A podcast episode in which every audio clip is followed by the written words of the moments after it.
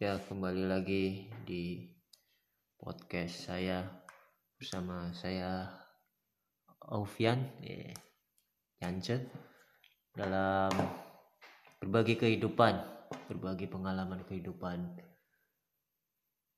sharing dengan orang-orang yang berbagi hidup ya, apaan gak jelas.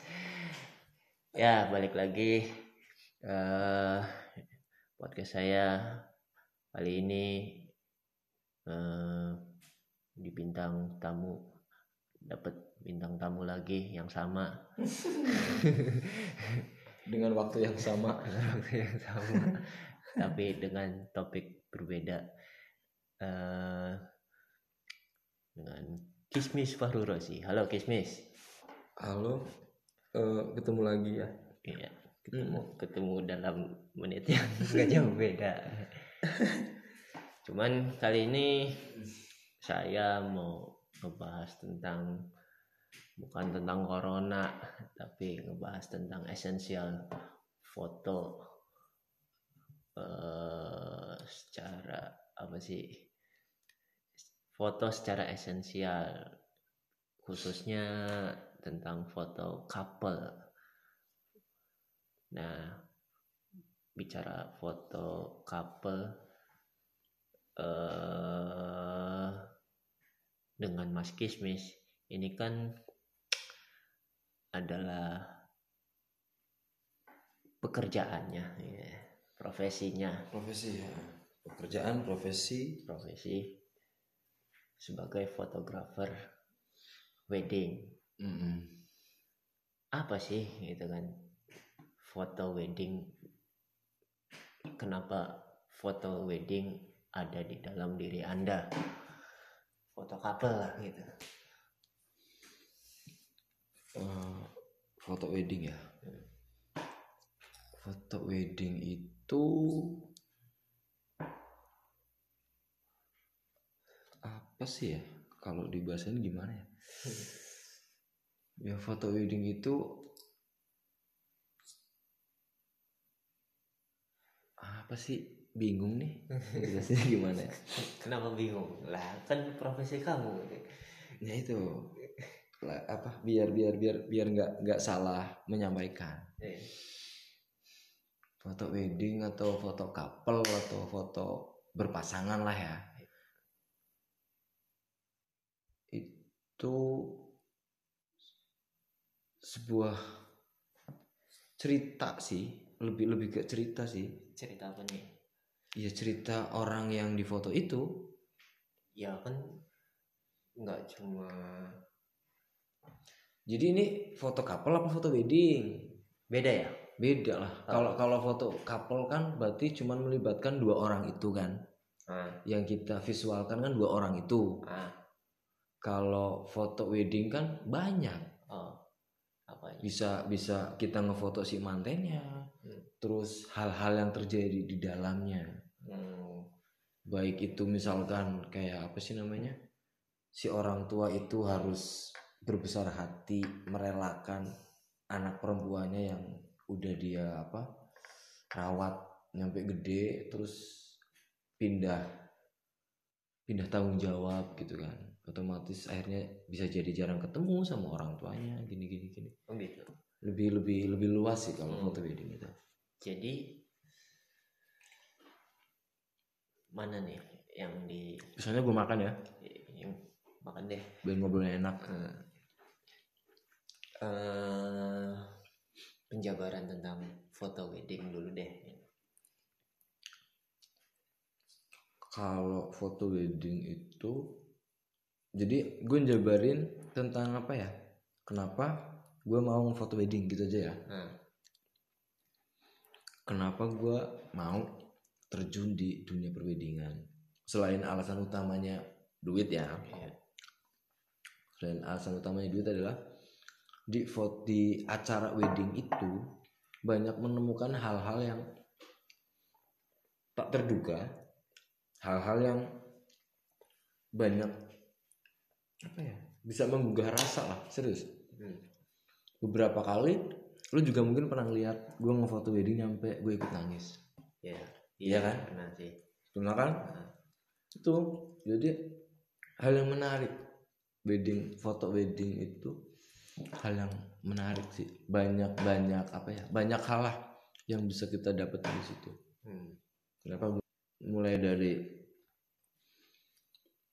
kedekatan antara keluarga dengan keluarga romansa antara si perempuan dengan si laki-laki kesibukan orang-orang di dalamnya asik aja sih Iya. nggak nggak nggak bete gitu Kenapa? Kenapa? Apa sih? Apa sih yang membuat lu jadi asik tertarik gitu kan? Maksudnya eh, entah di situ menemukan makna atau pelajaran hidup atau apa gitu kan? makna dan pelajaran hidup ya Nah, makna dilihat dari sisi makna kayak misalkan bagaimana sih apa ya menjadi eh, laki-laki yang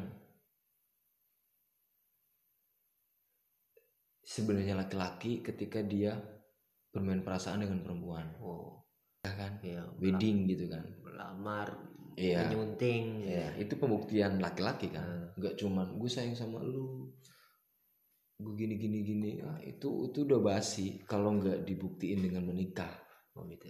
Nah, kalau secara pelajaran hidup banyak sih bagaimana kita sebagai orang tua mendampingi membimbing bahkan turut serta dalam proses peralihan hidup si anaknya itu bagaimana menjadi keluarga yang harmonis Hmm. maksudnya keluarga harmonis kan ketika menikah kan banyak keluarga yang datang nih Hmm. kan kita bisa ngukur kalau keluarga besarnya semua berarti kan memang mereka pintar dalam merawat keluarganya.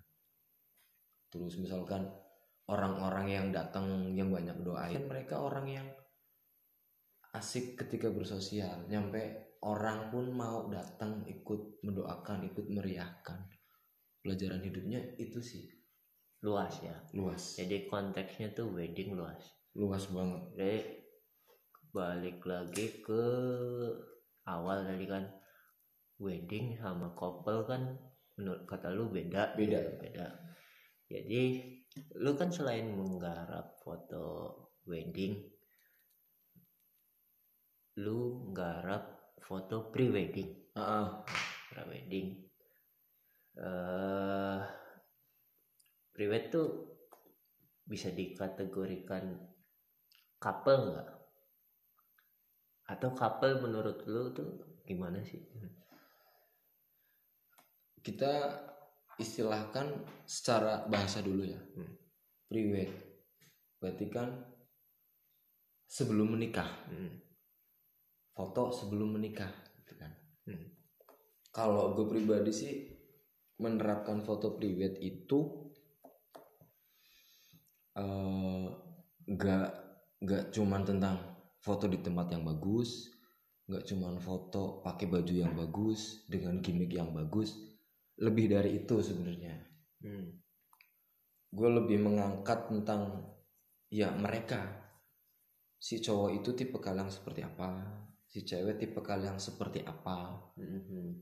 terus apa ya, mereka menjalin hubungan seperti apa proses pengenalannya seperti apa ya gue coba angkat lewat visual itu tadi Hmm. dalam prewedding kalau masalah kayak tempatnya akhirnya di sini di sini. Ya itu kan hanya untuk memanis pemanis visualnya kan. Masa iya sih mereka apa namanya kita kita asal ngefoto di tempat yang nggak jelas gitu kan juga pesannya nggak sampai. Jadi kayak tempat kayak outfit itu pemanis konsepnya. Oh, oh, kalau kalau untuk apa namanya lebih penekannya sih memang storynya mereka sih story dan karakternya mereka. Jadi eh menurut lu tempat tuh nggak nggak harus bagus gitu kan? Nggak harus. Tapi yang lebih lu angkat tuh cerita. Ah, ah. tapi pemilihan tempat juga pengaruh oh. ya kan? Kenapa? Misal kayak gini nih. Eh, misal cerita yang pengen kita sampaikan adalah tentang mereka sosok yang sangat sederhana mereka nggak suka yang gini gini gini gini gini Hmm. berarti kan untuk memperkuat ya kita cari tempat setting setting tempat yang bisa mewakili cerita itu hmm. katakan kita konsepnya di rumah yang sangat sederhana banget Hmm. karena yang kita mau sampaikan adalah cerita tentang kesederhanaan Hmm. jadi tempat itu kayak pemanis kayak penguat aja sih ini kayaknya eh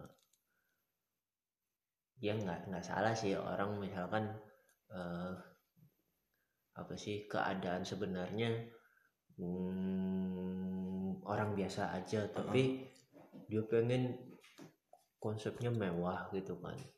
Tapi lu mungkin lebih menyarankan ke klien lu tuh eh, lebih baik sesuai dengan kehidupan lu sebenarnya gitu kan. Uh-uh. Soalnya ya balik lagi itu tadi gue pernah dengar sebuah istilah yang tidak ada yang bisa menghentikan waktu kecuali rekaman. Nah maksudnya di sini kan kalau kita bisa berhasil mengangkat cerita mereka mengangkat karakter mereka visual itu di kemudian hari ketika mereka melihat mereka masih bisa larut di dalam situ. Dengan apa namanya kita mengangkat cerita dan karakter itu sendiri. Kalau masalah kaitannya tempat yang mewah gini gini gini gini ya mungkin mereka pengen apa sih ya? Mereka belum pernah merasakan hal yang seperti itu akhirnya mereka termotivasi ah gue mau nabung gue mau ini karena gue pengen menghabiskan waktu dengan orang yang spesial dengan ya nggak masalah sih sebenarnya. Cuman jangan terlalu dipaksakan lah. Intinya kalau menurut gua ya foto private itu adalah rangkuman dari perjalanan si couple itu. Pasangan itu. Iya. Kita rangkum kan? Iya. Dari kapan mereka ketemu mereka ngapain-ngapain. Kita visualkan. Misalkan gini eh basicnya lu kerja di pabrik cewek juga di pabrik otomatis kan ketemunya di pabrik hari-harinya di situ terus fotonya di Belanda gitu kan. Nyambung gak sih? Hmm, secara story nggak nyambung gitu Iya. kan. Secara story nggak nyambung. Hmm.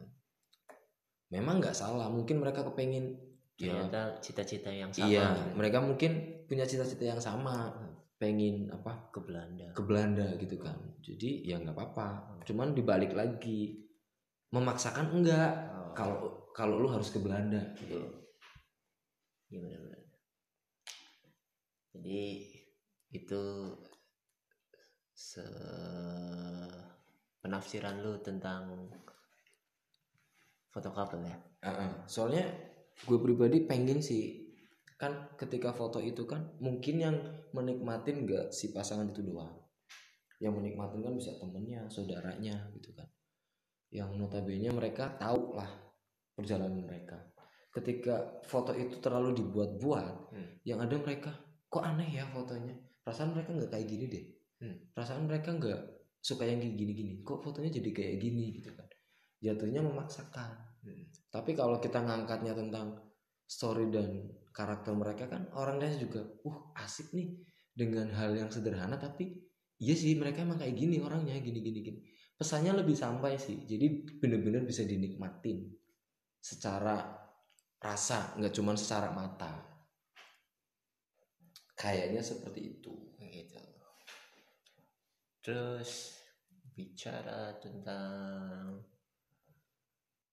foto wedding nih balik lagi ke wedding lagi nih Heeh.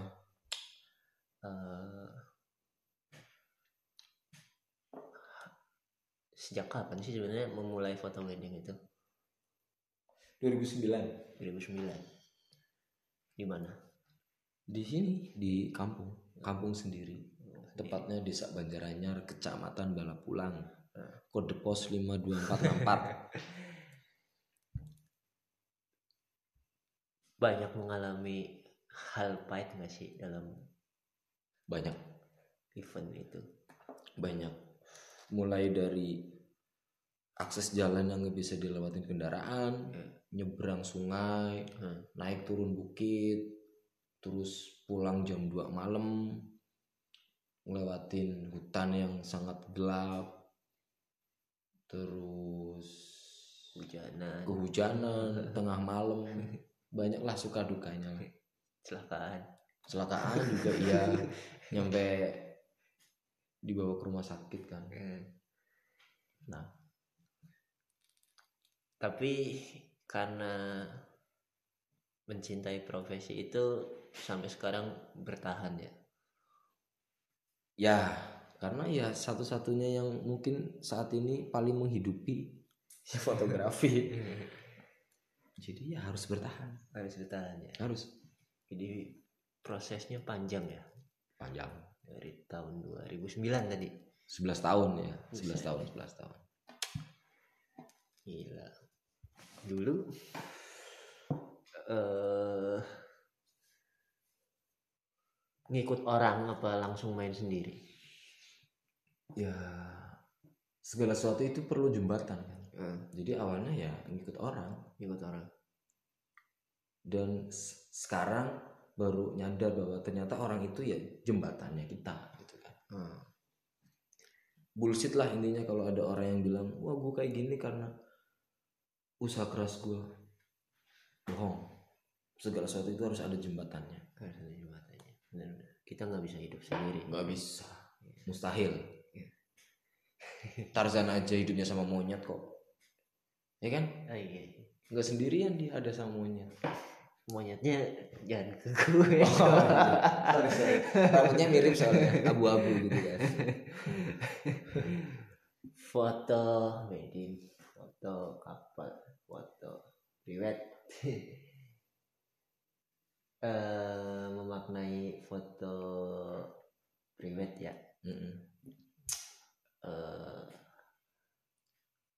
hal yang sangat berkesan tuh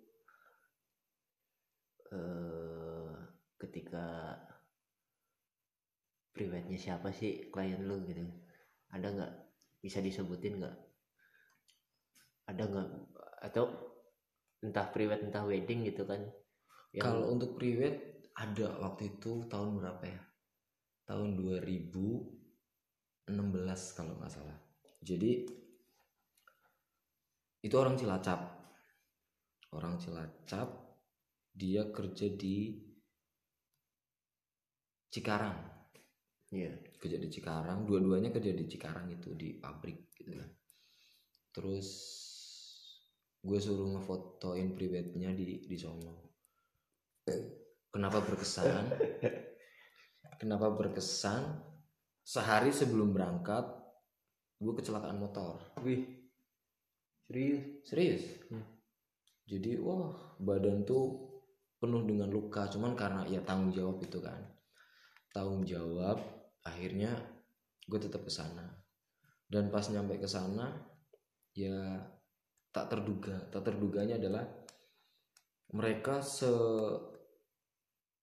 sesemangat itulah menjamu gue sama teman gue yang namanya Ozi itu partner lu ya Iya partner lah. Dia nyampe cerita kan intinya bu- bukan masalah gimana gimana sih. Jadi yang berkesannya adalah dengan dia hanya buruh pabrik, dia rela kayak menyisihkan duitnya gini gini gini demi biar cerita atau story mereka itu bisa diabadikan, bisa divisualkan. Dan waktu itu pun fotonya juga gak jauh-jauh dengan pabrik kayak gitu. Nuansa pabrik. Nuansa pabrik. Konsepnya. Mm-mm. wih menarik friend menarik. Hmm. itu foto priwet Mm-mm. kalau wedding? Kalau wedding ada nggak yang berkesan banget buat ada. perjalanan hidup? Berkesan dari segi ini ya apa namanya segi sosial. Pernah waktu itu tahun berapa ya? Pokoknya motret di daerah perbukitan lah naik gitu kan. Jalannya tuh terjal dan ya pokoknya parah banget lah jalannya. Nyampe di sana tuh apa ya? Masyarakatnya masyarakatnya tuh anak-anak kecil makannya tuh ini loh. Micin. Gitu. micin. Tuh buat jajanan gitu loh. Eh, karena saking saking susahnya buat mungkin makanan masuk ke situ gitu loh. Ini desa apa namanya? waktu itu namanya apa ya? Duku benda apa apalah. Hmm. Jalannya pun belum belum diaspal Wih. tapi masyarakatnya itu bener-bener menghormati banget yang namanya tamu Hmm. nyampe ya mungkin mungkin secara materi nggak seberapa sih Hmm. toh waktu itu juga masih ngikut orang kan Ya. nyampe mau pulang itu dibawain sayur dibawain ayam ayam masih hidup. Lah, iya mantap. itu salah satu kenangan yang ada kesan tersendiri lah Hmm. itu di waktu motret di daerah itu Itu tahun berapa?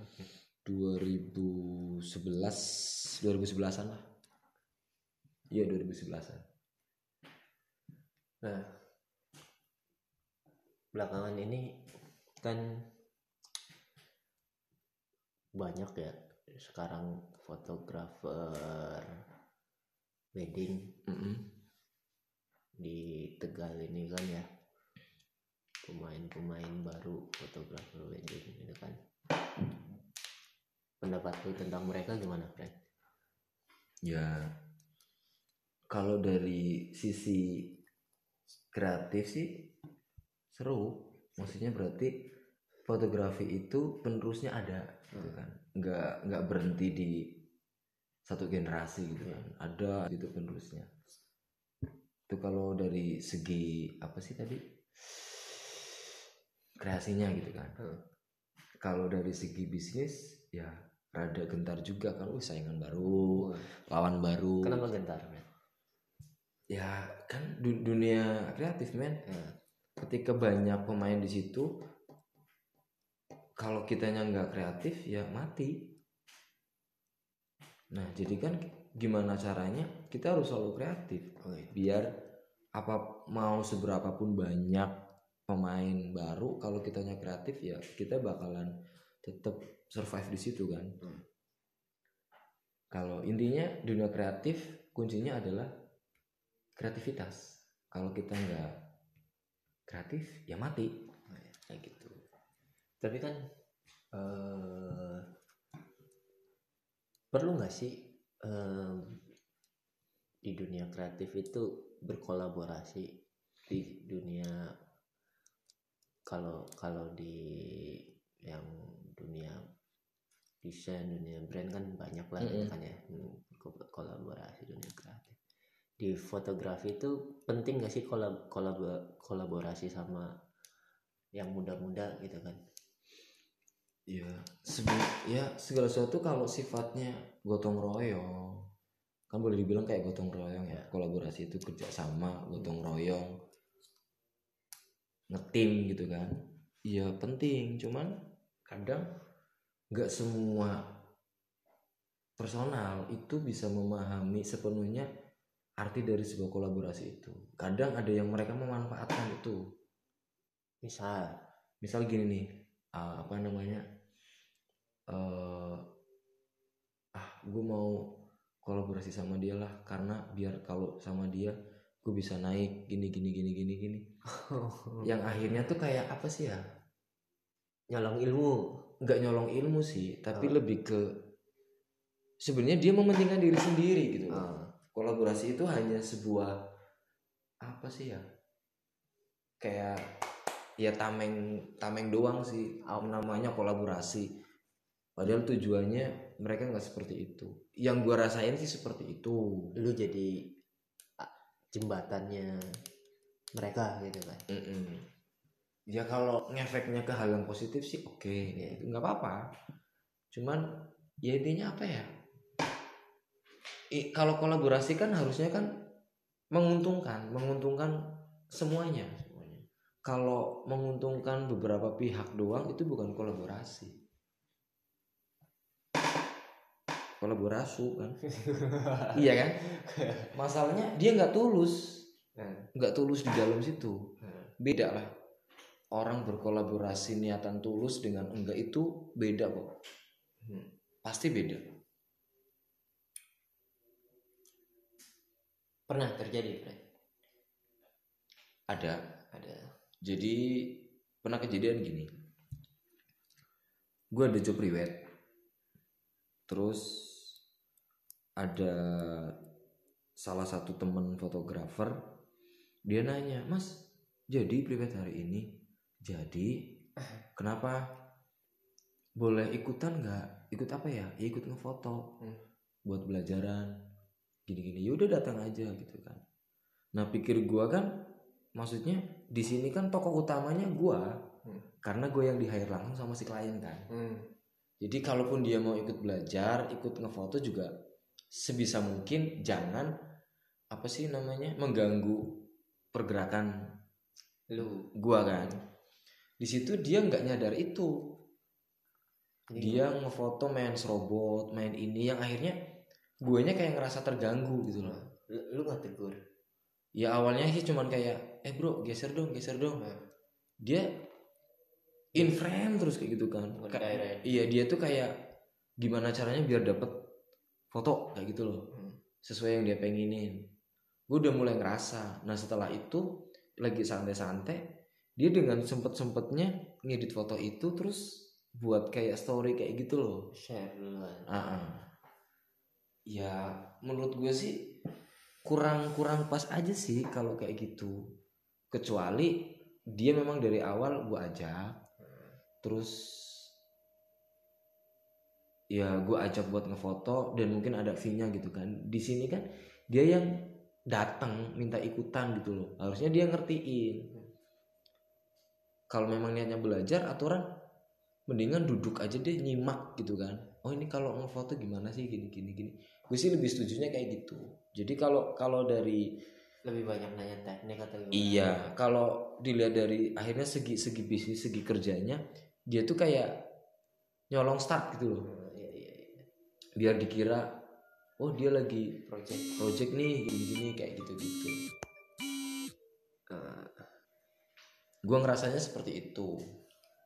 Yang akhirnya kadang makin ke sini karena pengalaman beberapa pengalaman ya akhirnya mem- membatasi sih membatasi istilah kolaborasi itu. Oh, nggak semua orang tulus soalnya intinya gitu sih. Jadi permainannya nggak sehat ya? Iya nggak sehat. Sebenarnya gue gue orangnya terbuka kok. Sebenarnya untuk Siapa pun. siapa pun. Karena gue juga dapat ilmu juga dari orang lain. Heeh.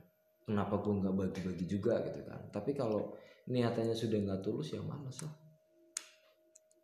Iya, ya nggak sih? Iya. Ya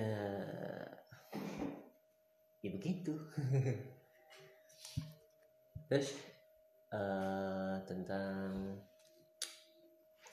balik lagi ke esensial nih gitu kan Mm.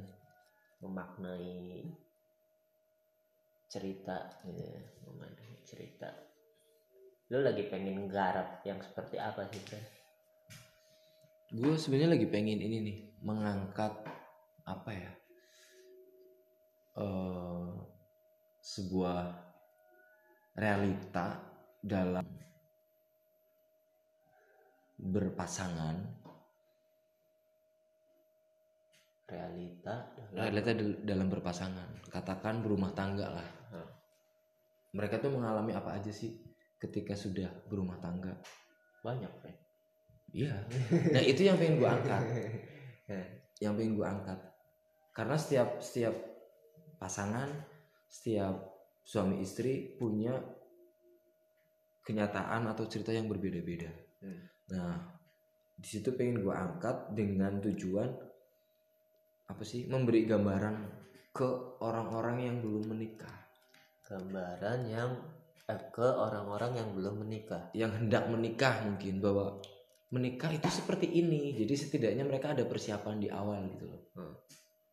biar mereka tuh nggak mikir nggak mikirnya cuman yang hahaha doang. Oh. hidup itu nggak cuman hahaha kok huhuhunya juga ada itu eh maksudnya apa sih eh foto postwed gitu ya Iya, foto, foto postwed. Cuman foto postwednya bukan bukan pengantin yang baru nikah berapa bulan, enggak. Hmm. Tapi mereka yang sudah bertahun-tahun menikah. Nah, gue pengen kayak ajak ngobrol dulu nih, riset ah, riset dalam lu, eh lu, so, kok lu ya sama orang tua dalam beliau apa melewati pernikahan itu tuh dapat pengalaman hidup apa aja sih? Misalkan kayak lagi mengalami usaha yang macet apa gimana, dia tetap bertahan hidup dengan anak istrinya itu seperti apa? Usaha-usaha apa yang mereka lakukan agar tetap rumah tangganya itu stabil. Nah, itu yang pengen gue angkat sih. nah itu treatmentnya gimana friend misalkan ngangkat ngangkat cerita seperti itu mood mood mereka kan lagi lagi kurang baik gitu kan ya misalnya misalnya usaha lagi macet gitu Mm. kan treatment lu menawarkan eh, mereka untuk eh, dibuatkan foto bercerita tentang kehidupan itu lu nyampeinnya gimana Nah, uh, sebel- sebelumnya gue nyampein kan pertama-tama yang harus mereka tahu kan pasti referensi. Hmm. Maksudnya referensi adanya kita tertarik sesuatu karena kita awalnya sesuatu. Hmm. Bener nggak? Hmm. Nah, untuk apa sih namanya menyuarakan visual itu salah satu treatmentnya ya gue ngefoto orang-orang terdekat.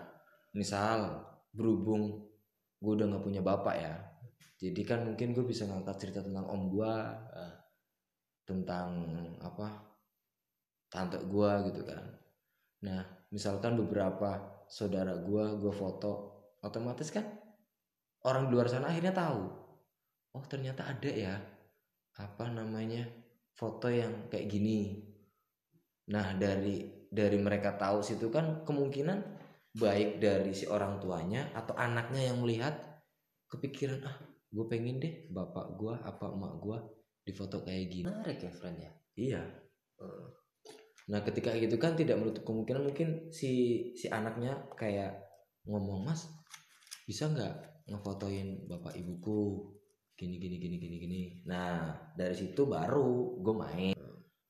Dengan catatan si bapak si bapak sama ibunya itu mau dulu difoto gitu kan. Nah, ketika mereka mau nah di situ gue riset dulu. Ada obrolan dua apa tiga jam lah gue nanya tentang kehidupan mereka yang udah mereka lewati. Lebih ke kayak gitu sih. Ya, ya. termasuk gue harus ngerti karakter bapaknya seperti apa ibunya seperti apa. Ditambah kenapa gue kepikiran itu gue sempet jadi pernah nih kan gue nganterin foto ke rumah klien Hmm. das wedding iya wedding Hmm. otomatis kan si pengantinnya kan bukain foto nih Hmm. habis bukain foto kan otomatis orang tuanya juga pengen lihat dong oh, albumnya Nah pas orang tuanya ngeliat tuh pasti kebanyakan mereka tuh kayak nyeletuk. Duh zamannya bapak ibu nggak ada ya kayak gini gitu kan. oh Nah di situ akhirnya gue kepikiran. Hmm. Mereka juga berhak kok dapat kayak gitu walaupun setelah mereka menikah. iya walaupun udah Iya. bertahun-tahun Iya. sampai Dan mereka pun juga apa namanya romansa mereka juga masih bisa kita angkat kok gitu dengan lebih realistis lah.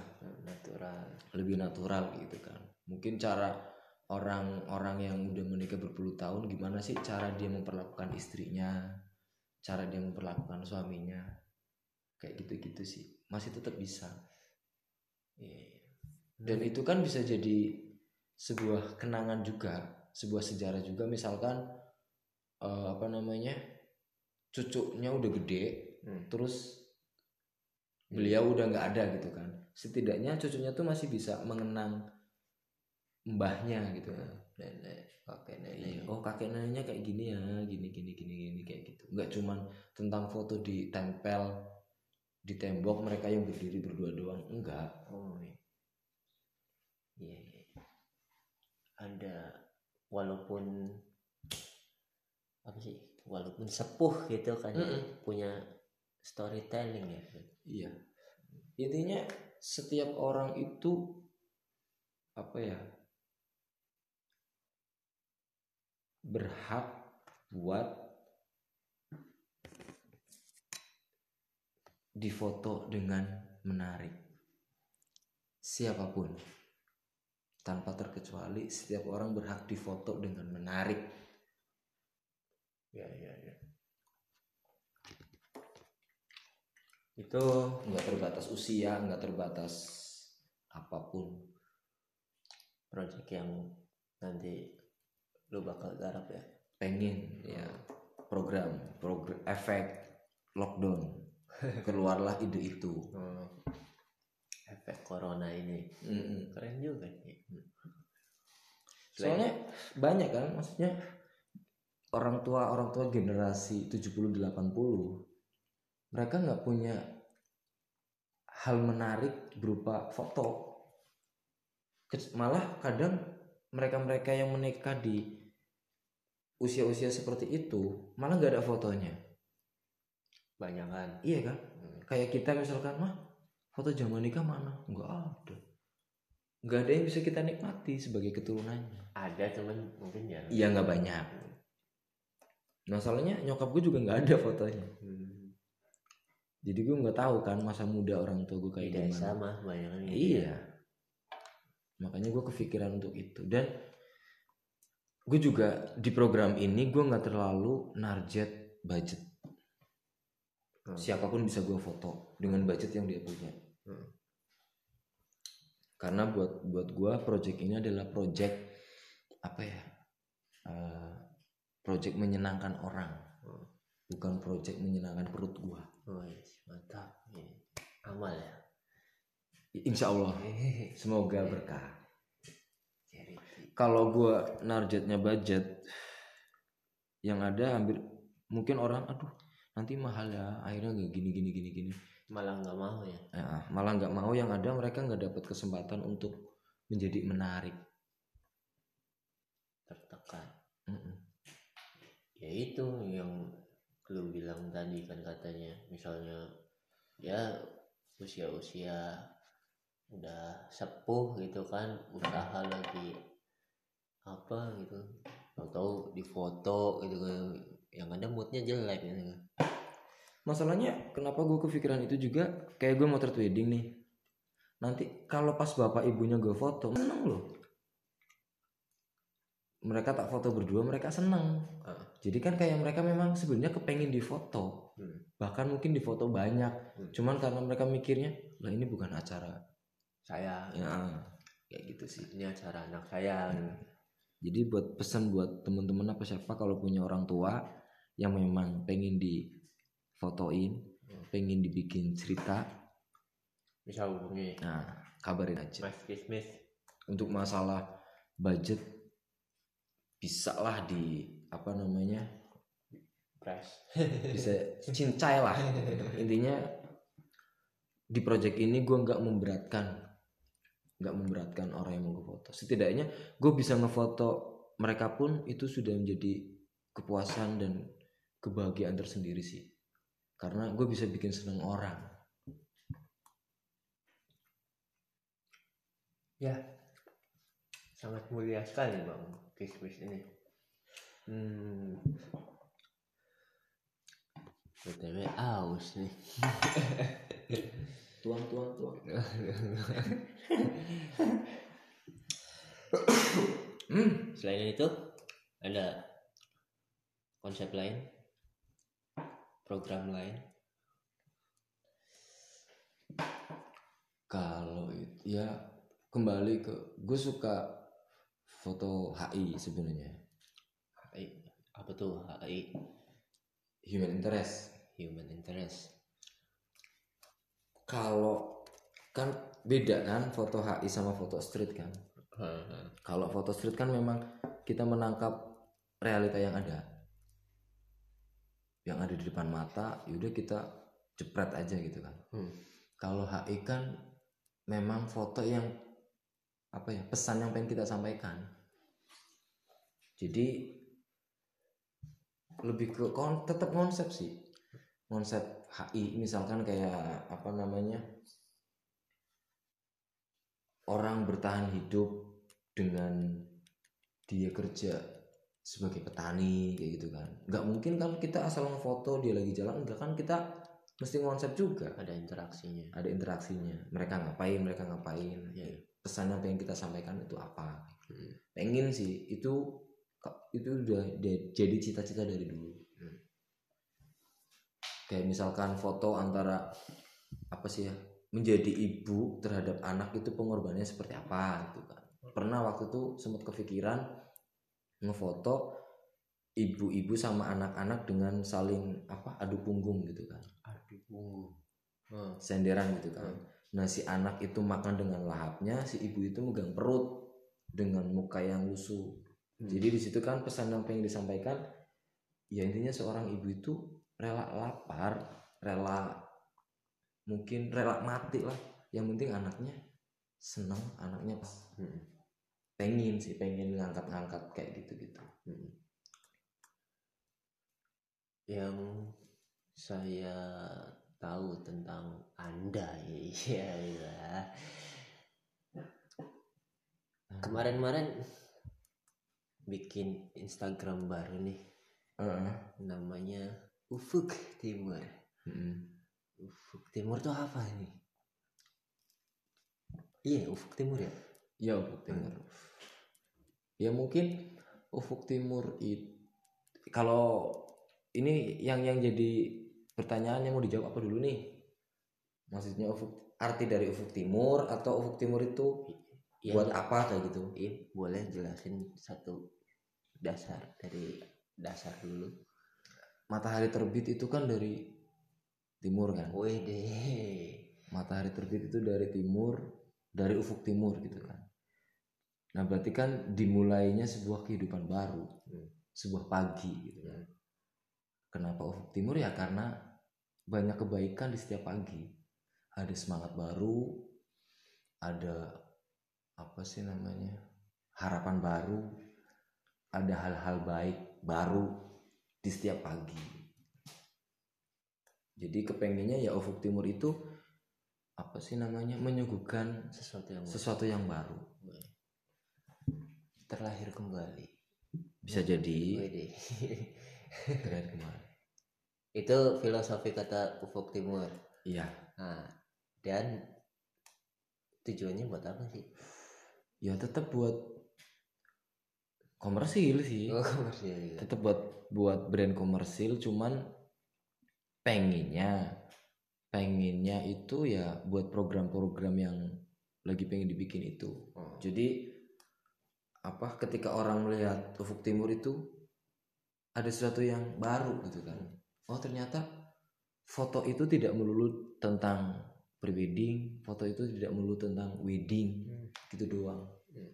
lebih lebih banyak cerita yang pengen Akar di dalam. disampaikan di ufuk timur itu makanya slogannya kan your story your history ceritamu sejarahmu Hmm. Mantap. itu sih semoga bisa berjalan dengan lancar Nah, buat pendengar eh follow Instagram Ufuk Timur ya. Iya. dong Iya. follow ya follow Ini jam berapa sih? Jam 3 pagi ya kita masih ngobrol ya. masih sore tenang. kita nggak biasa tidur jam 8 malam, jam 9 malam. dialog dini hari memang Kalau kalau ya ini sebenarnya efek corona sih efek corona. Mm-mm. soalnya kalau siang kan tidur masa malam mau tidur lagi Ah nggak corona juga begadang mulu. makanya Bagaimana? Banyakan bagaimana ya? ya karena hidup adalah pertanyaan iya, ya kan iya sih. hidup adalah pertanyaan Kalau kalau nggak nanya ya susah ya. susah. Nggak jadi moderator.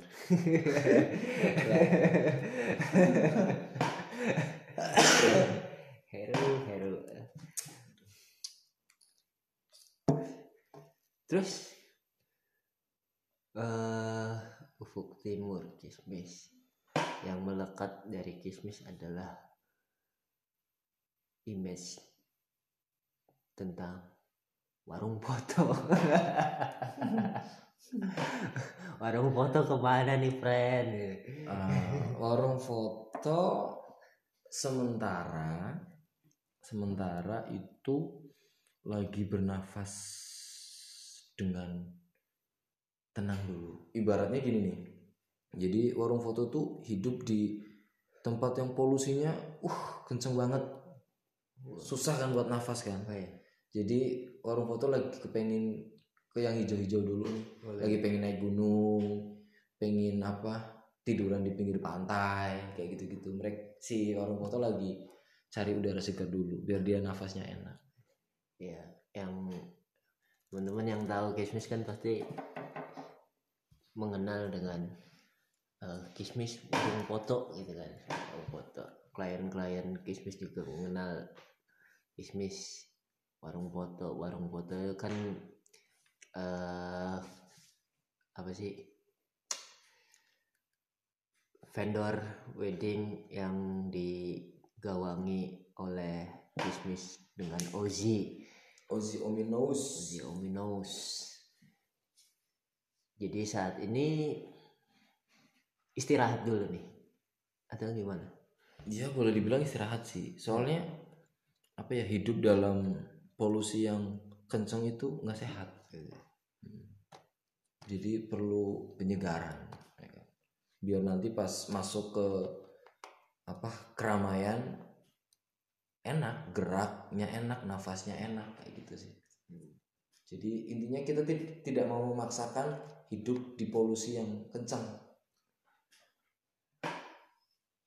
sosok Ozi di mata kismis itu seperti apa sih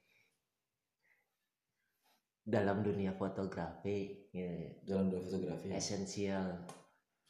Kita kan dari awal ngebahas esensial foto wedding gitu couple. Jenius. Jenius. Mm. jenius terus visualnya tak terduga. Oh ya misal maksud tak terduga misal gini nih. Gue sama Uji udah bikin konsep nih. Nah, otomatis kan udah punya gambaran Hmm. nanti visualnya dapetnya gini gini gini Hmm. dan dia tuh sering ngelakuin sesuatu yang boleh dibilang gue nggak kepikiran Hmm. tapi nggak keluar dari konsep itu nah, nah, jadi kan ya jenius tak terduga nah. intinya dia itu sangat menguasai teknik lah Hmm. kalau untuk urusan teknik dia jago kenapa kenapa tuh? Eh, ya ya intinya dia pinter-pinter meramu lah. Hmm. pinter meramu. Soalnya per- apa ya perbedaan yang paling mendasar dari gue sama dia gue tuh nggak bisa mikir dalam keadaan panik tegang. Pasti buntu. Hmm. nah kalau Uzi dia tetap dengan tenang. Masih bisa buat ngelakuin sesuatu jadi secara style foto eh kalian berdua tuh punya karakter masing-masing ya Iya pastilah setiap personal pasti punya sudut pandang yang berbeda. Hmm. tapi bisa bisa dikolaborasiin gitu gimana sih gitu kan treatmentnya gitu kan Nah ini kan, ini yang baru benar disebut kolaborasi. Hmm. Beda dengan yang tadi dibahas di awal kan, Hmm. tentang kolaborasi. Hmm. Kolaborasi yang benar adalah kolaborasi yang apa ya, menguntungkan semua Semua- pihak yang ada di situ aspeknya. dan menghasilkan sesuatu yang bermanfaat. itu yang lo jalanin sama Ozi Iya. Itu yang art- arti dari kolaborasi yang benar tuh seperti itu. terus balik lagi dengan gue sama Uzi beda tapi bisa jalan treatmentnya seperti apa gitu kan Hmm. sebenarnya nggak ada treatment cuman karena kita punya tujuan yang sama Hmm. tujuan yang samanya adalah pengen hidup berkembang dan besar di fotografi ditambah kita datang dari lingkungan yang sama daerah yang sama akhirnya ya jalan bareng. Kemungkinan kalau kita lingkungannya beda daerahnya beda kolaborasinya hanya sesekali doang. Hmm. karena intensitas ketemunya kan jarang. Ya, gitu sih. Berarti memang ya kenapa itu akhirnya menjadi partner yang cukup lama ya cukup lama. Menarik sih. Saling menutupi juga sih. Menutupi apa nih? Botak apa gimana? Body shaming. Dia menutupi ini sih misalkan balik lagi ke, ke kolaborasi kan. Misal kayak dalam satu situasi gue mentok Ozi masuk. Ozi mentok gue masuk. Jadi kayak gitu. Saling isi saling isi kayak gitu. Hmm. Kayak bahas konsep. Gue bahas ini ini nih, nanti Ozi ngasih masukan gini gue ngasih masukan. Kayak gitu gitu sih. Hmm. untuk Ozi eh nanti ada sesi khusus untuk anda nih. Semoga anda mendengar ini. Ini sudut pandang esensial dari mata Kismis Faru Rozi ya cukup cukup panjang sesi ini berbicara esensial ya Iya masalahnya kait ada kaitannya sama sejarah sih. Hmm. Kalau bicara sejarah itu emang lama, men. Hmm. Ada aja yang dibahas. walaupun kadang ini pembicaraan agak kaku agak agak kaku agak pekew nih saya nanyanya gitu kan ya Loh, kayak kenapa? Iya. Aman, aman, aman. santai ya Santai dong, kalian berdua santai ya santai. santai Cuman memang kalau apa sih namanya? Apa ya? Maksud lo nanya kalian berdua santai itu apa? Iya, Apa dulu nih? Biar biar biar gue bisa ngejelasin. Iya kan eh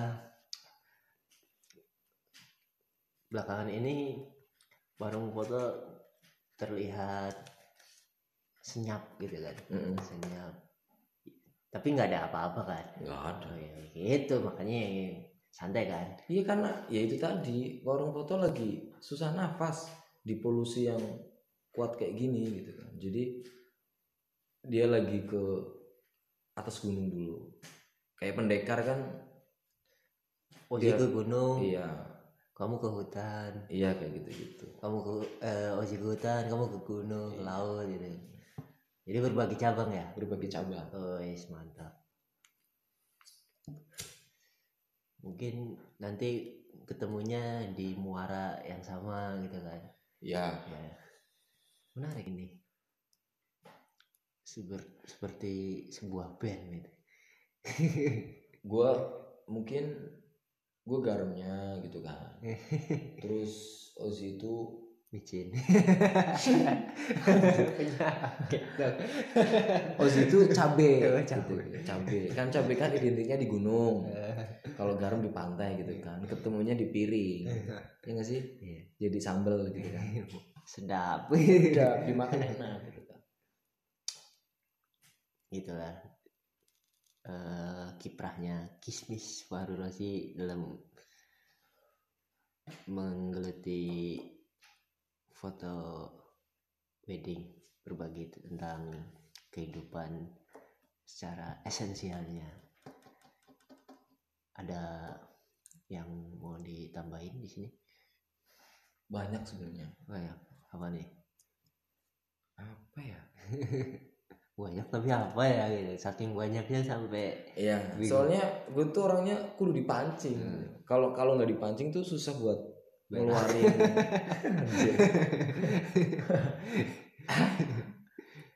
Mesti mesti dipancing. Kalau nggak dipancing ya susah intinya buat buat ngeluarin yang ada di kepala tuh gimana gitu. Apa perlu sesi lain nanti kita bahas lagi lah. Ya udah untuk sesi ini kita akhiri eh, di sini. Terima kasih kepada Kismis Baru Rosi sampai bertemu di podcast episode selanjutnya. Salam sehat. Salam sehat. Stay safe